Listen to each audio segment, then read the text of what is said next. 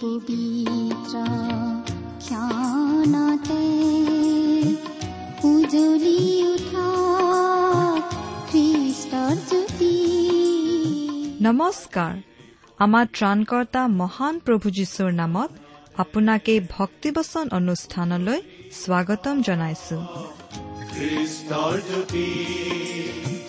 আকাশ বতাহ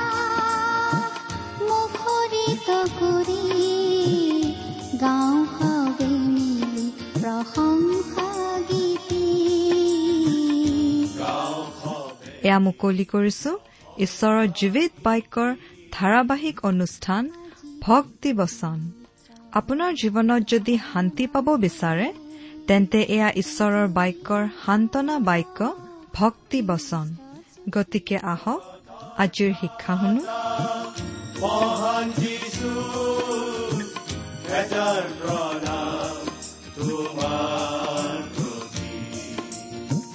গ্ৰহণ কৰাই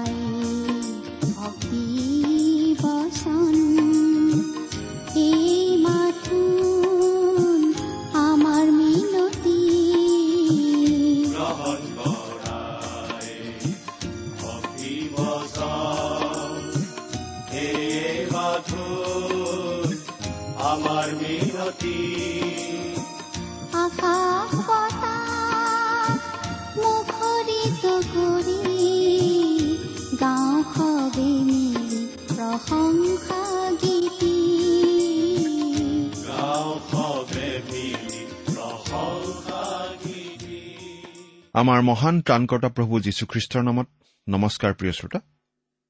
আশা কৰো আপুনি ভালে কুশলে আছে।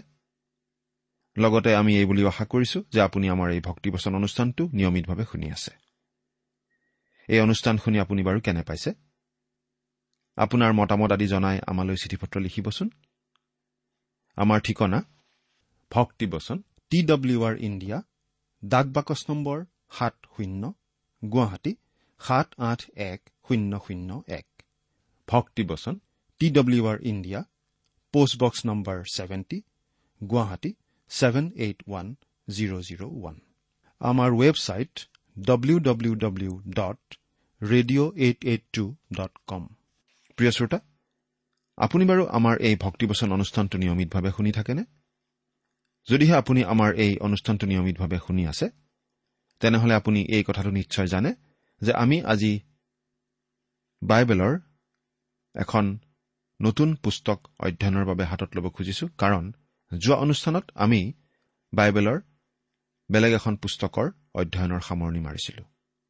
গতিকে আজি আমি অধ্যয়নৰ বাবে আন এখন পুস্তক হাতত ল'ব খুজিছো আৰু সেই পুস্তকখন হৈছে বাইবেলৰ পুৰণি নিয়ম খণ্ডৰ হবকুক ভাৱবাদীৰ পুস্তক। হবকুক ভাৱবাদীৰ পুস্তক আৰু নহুম ভাৱবাদীৰ পুস্তকৰ পাছতেই এই হবকুক ভাৱবাদীৰ পুস্তকখন আছে। আমি এই পুস্তকখনক চমুকৈ হবকুক বুলিও কওঁ। এই হবকুক পুস্তকখন হৈছে এখন ভাৱবাণীমূলক পুস্তক। আৰু ইয়াত ভৱিষ্যতে ঘটিবলগীয়া কিছুমান কথা জনাই দিয়া হৈছে। অৱশ্যে ইয়াৰ যোগেদি আজি আমাৰ বাবেও শিকিবলগীয়া অনেক কথা আছে।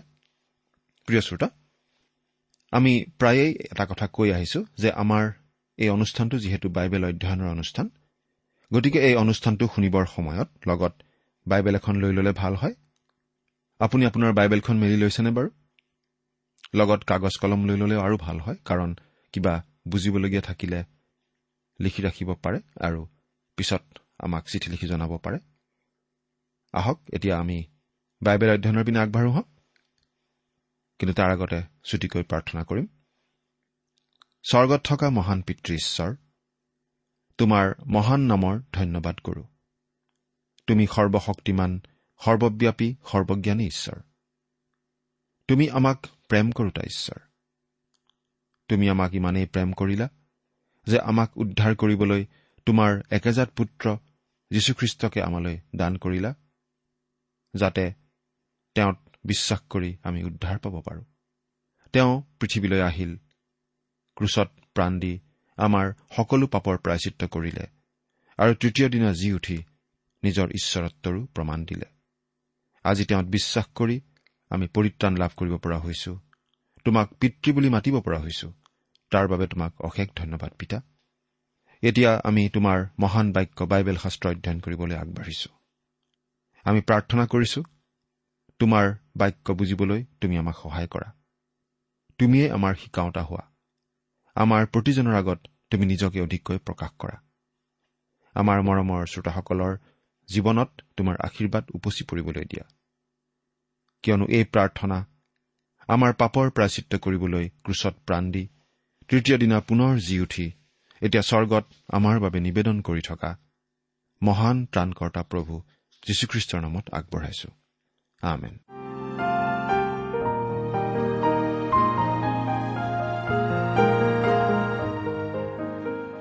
আহক প্ৰিয় শ্ৰোতা এতিয়া আমি হবকুক ভাৱবাদীৰ পুস্তকখনৰ অধ্যয়নৰ পিনে আগবাঢ়ো হওক। অৱশ্যে প্ৰথমতে আমি এই হবকুক ভাৱবাদীৰ পুস্তকখনৰ এটা চমু পৰিচয় আগবঢ়াব খুজিছো। হবকুক নহুম আৰু ছফনীয়া এই তিনিখন ভাৱবাদীমূলক পুস্তকৰ মাজত যথেষ্ট সামঞ্জস্য আছে। এই প্ৰতিখন পুস্তকে মানুহৰ প্ৰতি ঈশ্বৰৰ ব্যৱহাৰৰ একো একোটা ৰূপ দাঙি ধৰে।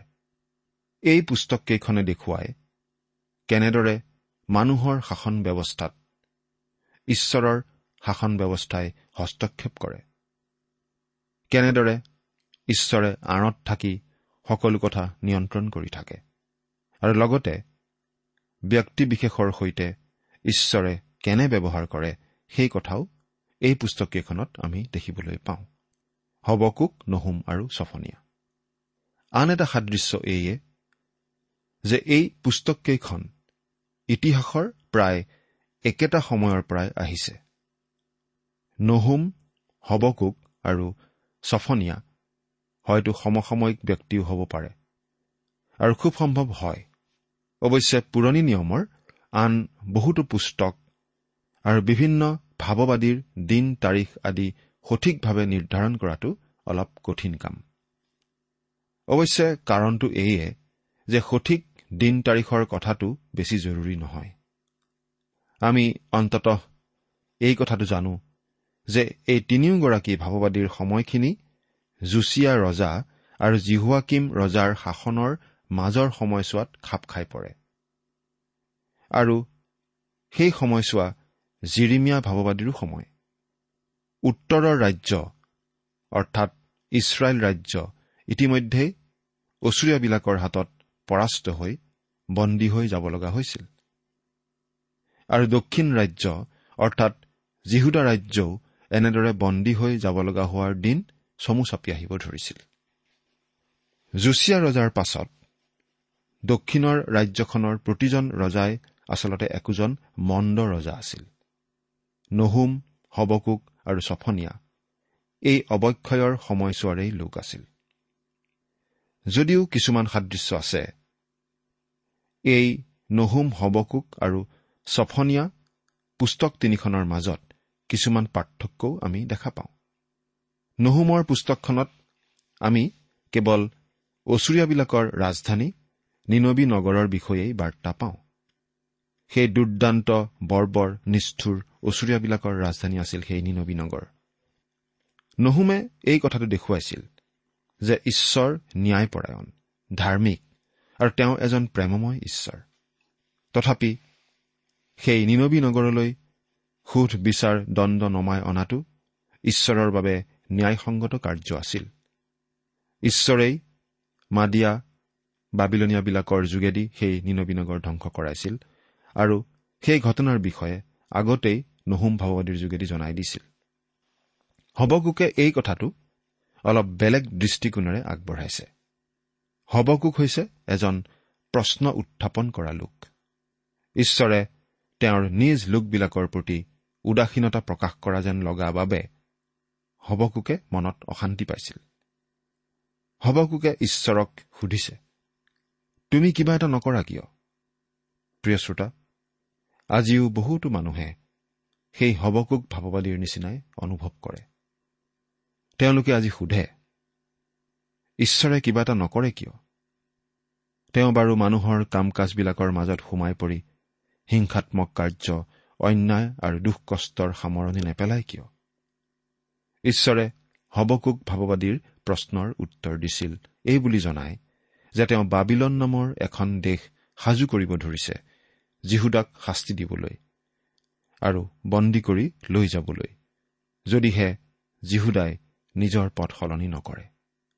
তাৰ আগতে যদি হবকুকৰ মনত প্ৰশ্ন আছিল এতিয়া সঁচাকৈ মনত ডাঙৰ প্ৰশ্ন উঠিল। হবকুকে সুধিলে তুমি বাৰু যীহুদাক শাস্তি দিবলৈ তোমাৰ নিজৰ লোকৰ পৰিৱৰ্তে বাবিলনক কিয় ব্যৱহাৰ কৰিবা? কাৰণ সেই বাবিলন দেখোন তোমাৰ নিজৰ লোকতকৈ অধিক মন্দ অধিক বৰ্বৰ আৰু অধিক প্ৰতিমা পূজক ঈশ্বৰে হবকুকক জনাই দিছে যে বাবিলনৰ সৈতে তেওঁৰ কাম কৰা শেষ হোৱা নাই। বাবিলনৰ যুগেৰে যীহুদাক শাস্তি দিয়া হোৱাৰ পাছত তেওঁ বাবিলনকো শাস্তি বিহিব। এৰা ঈশ্বৰৰ পদ্ধতি এনেকুৱাই। নতুন নিয়মৰ সৈতে থকা সম্বন্ধৰ দৃষ্টিকোণৰ পৰা এই হবকুক পুস্তকখন অধিক গুৰুত্বপূৰ্ণ। এই কথাটো সাধাৰণতে মানি লোৱা হয় যে নতুন নিয়মৰ সকলোতকৈ তত্বগধুৰ পুস্তক তিনিখন হৈছে ৰুমিয়া গালাটীয়া আৰু ইব্ৰীবিলাকৰ প্ৰতি পত্ৰ। আৰু এই তিনিওখন পত্ৰতেই হবকুকৰ পুস্তকৰ পৰা উদ্ধৃতি দিয়া আমি দেখিবলৈ পাওঁ। দৰাচলতে হবকুক দুই নম্বৰ অধ্যায়ৰ চাৰি নম্বৰ পদটোৱেই সেই পুস্তককেইখনৰ বাৰ্তাৰ পটভূমি বুলি ক'ব পাৰি। পদটো পঢ়ি দিছো শুনিবচোন। হবকুক দুই নম্বৰ অধ্যায়ৰ চাৰি নম্বৰ পদ। চোৱা অহংকাৰী লোকৰ মন সৰল নহয় কিন্তু ধাৰ্মিক লোক নিজ বিশ্বাসৰ দ্বাৰাই জীয়াই থাকিব। কিন্তু ধাৰ্মিক লোক নিজ বিশ্বাসৰ দ্বাৰাই জীয়াই থাকিব। এই পদটোৱেই ৰোমিয়া গালাটীয়া আৰু ইব্ৰীবিলাকৰ প্ৰতি লিখা পত্ৰৰ বাৰ্তাৰ পটভূমি বুলি ক'ব পাৰি। ধাৰ্মিকজন বিশ্বাসৰ দ্বাৰাই জীয়াই থাকিব। গতিকে এই সৰু পুস্তকখন শাস্ত্ৰৰ আকাশত অতি গুৰুত্বপূৰ্ণ পুস্তক হিচাপে জিলিকি আছে।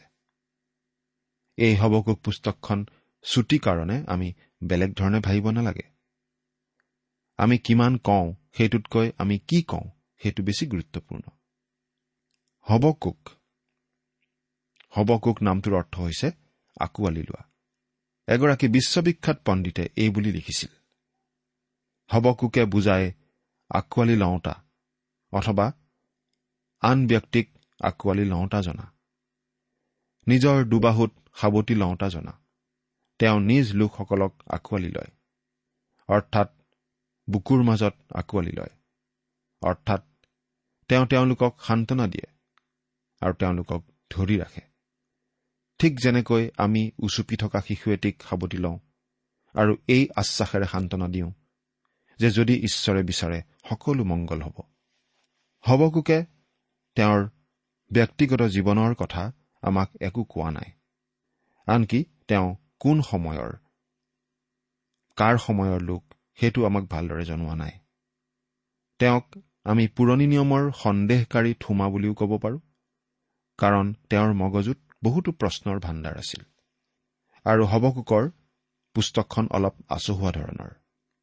এই পুস্তকখন প্ৰকৃত অৰ্থত আমি ভাৱবাণীৰ পুস্তক বুলিও ক'ব নোৱাৰো।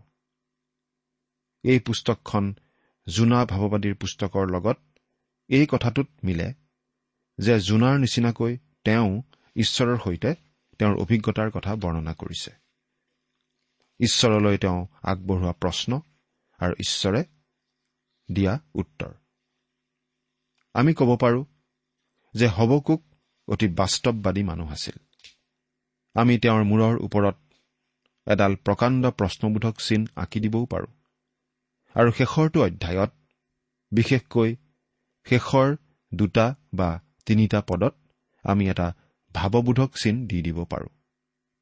এই হবকুক পুস্তকখন হৈছে ভাৱবাদীজনৰ ব্যক্তিগত অভিজ্ঞতাৰ কবিতা স্বৰূপ জোনাৰ অভিজ্ঞতা আমি পাওঁ গদ্যৰ ৰূপত। হবকুক এজন বিশেষ ধৰণৰ লোক আছিল। আৰু তেওঁ এখন অভিনৱ পুস্তক লিখিছে বিশেষ সাহিত্যিক শ্ৰেষ্ঠতাৰে। শেষৰ অধ্যায়টো আচলতে এটা প্ৰশংসাৰ গীত আদৰ আৰু শ্ৰদ্ধাৰ গীত। অতি সুন্দৰ সাহিত্যিক কৃতি। হবকুক নামৰ এই পুস্তকখনৰ শেষৰটো পদ হৈছে প্ৰভু জীহুৱাই মোৰ শক্তি। তেওঁ মোৰ ভৰি হৰিণীৰ ঠেং যেন কৰিছে। মোৰ ওখ ঠাইবোৰেদি মোক গমন কৰাব। হবকুক তিনি নম্বৰ অধ্যায়ৰ ঊনৈশ নম্বৰ পদ। ইয়াৰ পৰা আমি বুজি পাওঁ যে এই পুস্তকখন আচলতে এটা গীত। তাত সেই চুটি টোকাটো আচলতে গায়ক দলৰ পৰিচালনা কৰোতাজনৰ বাবে লিখা হৈছিল। পুস্তকখনৰ শেষৰ অধ্যায়টো আচলতে সৌন্দৰ্যৰ গীত। আচলতে গোটেই পুস্তকখনেই এটা মূল্যৱান বাখৰৰ নিচিনা। এজন পণ্ডিতে এই বুলি লিখিছে তেওঁৰ ভাষা সম্পূৰ্ণভাৱে উচ্চমানৰ। শব্দৰ অভিনৱ খেলেৰে ভৰপূৰ আন এজন পণ্ডিতে আকৌ এই বুলি লিখিছে এইখন চমকপ্ৰদ কবিতাৰ বাবে বিশেষভাৱে চকুত লগা পুস্তক হবকুক নামৰ এই সৰু পুস্তকখন দুখৰ অন্ধকাৰেৰে মুকলি হৈ গৌৰৱৰ পোহৰেৰে সামৰণি পৰিছে। এই পুস্তকখন এটা ডাঙৰ প্ৰশ্নবোধক চিনেৰে আৰম্ভ হৈছে কিন্তু এটা ভাৱবোধক চিনেৰে সামৰণি পৰিছে। বিশেষ প্ৰশংসাৰ ভাৱেৰে গৌৰৱৰ ভাৱেৰে সামৰণি পৰিছে। হবকুক এটা ডাঙৰ কিয়? কিয় ঈশ্বৰে মন্দতা চলি থাকিবলৈ দিয়ে? কিয় বিভিন্ন ধৰণৰ অন্যায় অবিচাৰ কুকাৰ্য আদি পৃথিৱীত চলি থাকিবলৈ দিয়ে? এইটো আচলতে প্ৰতিটো চিন্তাশীল মনলৈ অহা এটা ডাঙৰ প্ৰশ্ন। হয়তো সঘনাই অহা এইটো এটা প্ৰশ্ন। আৰু আমি ভাবো যে এই হবকুক নামৰ পুস্তকখন সেই প্ৰশ্নৰ এটা উত্তৰ। ঈশ্বৰে জগতত চলি থকা অন্যায় নোহোৱা কৰিবনে? জগতত চলি থকা দুৰ্নীতি বিভিন্ন মন্দতা তেওঁ নোহোৱা কৰিবনে? এই হবকুক পুস্তকখনে সেই প্ৰশ্নৰ উত্তৰ আমাক দিয়ে। এই জগতখনত চলি থকা ভুল ভ্ৰান্তিৰ বিষয়ে ঈশ্বৰে বাৰু কিবা কৰি আছেনে? এই জগতত চলি থকা বিভিন্ন মন্দতাৰ বিষয়ে ঈশ্বৰে বাৰু কিবা কৰি আছেনে? নে তেওঁ চকু মুদি আছে? নে তেওঁ দেখিও নেদেখাৰ ভাও ধৰি আছে? নে দেখিও হাত সাৱটি বহি আছে? এই সকলোবোৰৰ বিষয়ে তেওঁৰ কিবা আঁচনি আছেনে? তেওঁৰ কিবা পৰিকল্পনা আছেনে? ইত্যাদি নানা প্ৰশ্ন নিশ্চয় আমাৰ মনলৈ আহে। কিন্তু এই হবকুক পুস্তকখনে কয় যে এই জগতত চলি থকা ভুল ভ্ৰান্তিৰ বিষয়ে ঈশ্বৰে কিবা এটা কৰি আছে। ঈশ্বৰৰ এই ক্ষেত্ৰত এটা আঁচনি আছে পৰিকল্পনা আছে। আমি ভাবো নতুন নিয়মৰ থোমাৰ সন্দেহ পুৰণি নিয়মৰ হবকুকৰ সন্দেহ আৰু আধুনিক মানুহৰ সন্দেহ আমি এটা শব্দত সামৰিব পাৰোঁ আৰু সেই শব্দটো হৈছে কিয়? কিয়? এইটো মানৱ জাতিৰ এটা মুখ্য প্ৰশ্ন। যেতিয়া আমি সকলোবোৰ প্ৰশ্নৰ মূল সাধাৰণ ভাৱটো চাওঁ তেতিয়া আমি মূল প্ৰশ্নটো পাওঁ কিয়? নহয়নে বাৰু? প্ৰিয় শ্ৰোতা আপুনি বুজি পাব পাৰে যে এই হবকুক ভাৱবাদীৰ পুস্তকখনৰ বাৰ্তাটো নহুম ভাৱবাদীৰ পুস্তকৰ বাৰ্তাৰ সম্পূৰ্ণ বিপৰীতৰ নিচিনা। কথাটো আকৌ কৈছো যে হবকুক ভাৱবাদীৰ পুস্তকৰ বাৰ্তাটো নহুম ভাৱবাদীৰ পুস্তকৰ বাৰ্তাটোৰ সম্পূৰ্ণ বিপৰীত বাৰ্তাৰ নিচিনা। কিয় বাৰু? নহুম ভাৱবাদীৰ পুস্তকত ঈশ্বৰে সুধবিচাৰ দণ্ডৰ কাম কৰি থকা আমি পঢ়িবলৈ পাইছো। সেই নহুম ভাৱবাদীৰ পুস্তকত প্ৰশ্নটো এনেকুৱা ধৰণৰ আছিল। ঈশ্বৰ যদি প্ৰেমময় ঈশ্বৰ যদি প্ৰেম ঈশ্বৰ যদি কৰোণাময় তেনেহলে তেওঁ সুধবিচাৰ দণ্ড কেনেকৈ দিব পাৰে? কিন্তু এই নহুম ভাওবাদীৰ পুস্তকত আমি তাৰ সম্পূৰ্ণ বিপৰীত কথাটো পাইছো। কাৰণ এই পুস্তকত প্ৰশ্নটো এনেকুৱা ধৰণৰ। ঈশ্বৰে এই পৃথিৱীত চলি থকা মন্দতাৰ বিষয়ে কিবা এটা ব্যৱস্থা কিয় নকৰে? এই পৃথিৱীত তেওঁ মন্দ লোকসকলক কিয় অবাধে চলি থাকিবলৈ দিছে? এই পৃথিৱীত চলি থকা বিভিন্ন পাপৰ ক্ষেত্ৰত তেওঁ হস্তক্ষেপ কিয় নকৰে? তেওঁ কিবা এটা নকৰে কিয়? তেওঁ হস্তক্ষেপ নকৰে কিয়? তেওঁ অপৰাধীক শাস্তি নিদিয়ে কিয়? গতিকে হবকুক ভাওবাদীৰ পুস্তকৰ মূল কথাটো নহুম ভাওবাদীৰ পুস্তকৰ মূল কথাটোৰ বিপৰীত যেন লাগে। হবকুকৰ মূল বিষয়টো হৈছে বিশ্বাস। আৰু হবকুক ভাৱবাদীক বিশ্বাসৰ ভাৱবাদী বুলিও কোৱা হয়। কিয়নো হবকুক পুস্তকৰ দুই নম্বৰ অধ্যায়ৰ চাৰি নম্বৰ পদত আমি এই বুলি পঢ়িবলৈ পাইছো ধাৰ্মিকজন বিশ্বাসৰ দ্বাৰাই জীয়াই থাকিব। ধাৰ্মিকজন বিশ্বাসৰ দ্বাৰাই জীয়াই থাকিব। আৰু এই কথাখিনিৰ উদ্ধৃতি আমি নতুন নিয়মত তিনিবাৰ পাওঁ। আপোনালোকৰ লগত যদি কাগজ কলম আছে লিখি ৰাখিব পাৰে পদকেইটা কৈ দিছো মিলাই চাব পাৰে। ৰুমিয়া এক নম্বৰ অধ্যায়ৰ সোতৰ নম্বৰ পদ। গালাটীয়া তিনি নম্বৰ অধ্যায়ৰ এঘাৰ নম্বৰ পদ। আৰু ইব্ৰী দহ নম্বৰ অধ্যায়ৰ আঠত্ৰিশ নম্বৰ পদ। আকৌ কৈ দিছো ৰোমিয়া এক নম্বৰ অধ্যায়ৰ সোতৰ নম্বৰ পদ গালাটীয়া তিনি নম্বৰ অধ্যায়ৰ এঘাৰ নম্বৰ পদ আৰু ইব্ৰী দহ নম্বৰ অধ্যায়ৰ আঠত্ৰিশ নম্বৰ পদ। আৰু ইয়াত এই হবকুকৰ দুই নম্বৰ অধ্যায়ৰ চাৰি নম্বৰ পদৰ উদ্ধৃতি দিয়া আমি দেখিবলৈ পাওঁ যে ধাৰ্মিকজন বিশ্বাসৰ দ্বাৰাই জীয়াই থাকিব। এতিয়া আমি হবকুক পুস্তকৰ এক নম্বৰ অধ্যায়ৰ পৰা আলোচনা আৰম্ভ কৰিম। ইয়াৰ মূল বিষয় হৈছে ভাৱবাদীজনৰ মনত জাগি উঠা বিভিন্ন প্ৰশ্ন। পাঠ কৰি দিম এক নম্বৰ অধ্যায়ৰ এক নম্বৰ পদটো। হবকুক ভাৱবাদীয়ে দৰ্শনত পোৱা ভাৰ বাক্য। কলদিয়াহঁতৰ অত্যাচাৰ আৰু সিহঁতৰ দণ্ড। ভাৰ মানে ঈশ্বৰৰ সুধবিচাৰ। আচলতে এইটো হবকুকৰ প্ৰশ্ন নহয়। কিন্তু ঈশ্বৰে দিয়া উত্তৰহে। আচলতে ঈশ্বৰে দিয়া উত্তৰেই হবকুক পুস্তকখনৰ ভাৱবাণী। আৰু ইয়াৰ উত্তৰটো হৈছে সুধবিচাৰ আন আন ভাৱবাদীসকলৰ নিচিনাকৈ হবকুক ভাৱবাদীয়েও ঈশ্বৰৰ সুধবিচাৰক ভাৰ বাক্য বুলি কৈছে। আজিলৈ আমাৰ সময় হৈ আহিল। গতিকে এই বিষয়ে আমি আমাৰ পৰৱৰ্তী অনুষ্ঠানত আলোচনা কৰিম হওক। আজিলৈ ইমানতে সামৰিছো। আমাৰ পৰৱৰ্তী অনুষ্ঠান যেন শুনিবলৈ নাপাহৰে। ঈশ্বৰে আপোনাক আশীৰ্বাদ কৰক। আহমেদ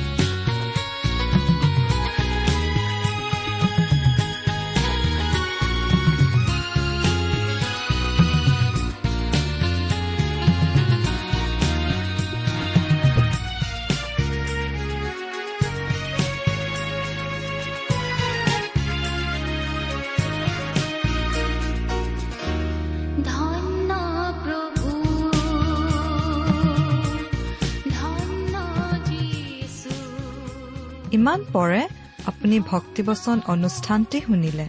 এই বিষয়ে আপোনাৰ মতামত জানিবলৈ পালে আমি নথৈ আনন্দিত হ'ম। আমি প্ৰস্তুত কৰা বাইবেল অধ্যয়নৰ আন চিডিসমূহ পাব বিচাৰিলেও আমালৈ লিখক। অনুষ্ঠানটি শুনি কেনে পালে আমালৈ চিঠি লিখি জনাবচোন? অনুষ্ঠানত প্ৰচাৰ কৰা কোনো কথা বুজিব লগা থাকিলেও আমালৈ লিখক। আমাৰ ঠিকনা? ভক্তিবচন ট্ৰান্স ৱৰ্ল্ড ৰেডিঅ' ইণ্ডিয়া ডাক বাকচ নম্বৰ সাত শূন্য গুৱাহাটী সাত আঠ এক শূন্য শূন্য এক। ঠিকনাটো আৰু এবাৰ কৈছো ভক্তিবচন ট্ৰান্স ৱৰ্ল্ড ৰেডিঅ' ইণ্ডিয়া ডাক বাকচ নম্বৰ সাত শূন্য গুৱাহাটী সাত আঠ এক শূন্য শূন্য এক। আমাৰ ইমেইল এড্ৰেছটো হৈছে S M is T T B at the rate radio' eight eight two dot com আমাৰ ৱেবছাইট ইন আপুনি টেলিফোনৰ মাধ্যমেৰেও আমাক যোগাযোগ কৰিব পাৰে। আমাৰ টেলিফোন নম্বৰটো হৈছে শূন্য তিনি ছয় এক দুই ছয় শূন্য চাৰি ছয় সাত এক। ফোন নম্বৰটো আকৌ এবাৰ কৈছো zero' three six one two six zero' four six seven one আজিৰ অনুষ্ঠানটি ইমানতে সামৰিছো। ঈশ্বৰৰ শান্তি আৰু অনুগ্ৰহ আপোনাৰ লগত থাকক। ধন্যবাদ।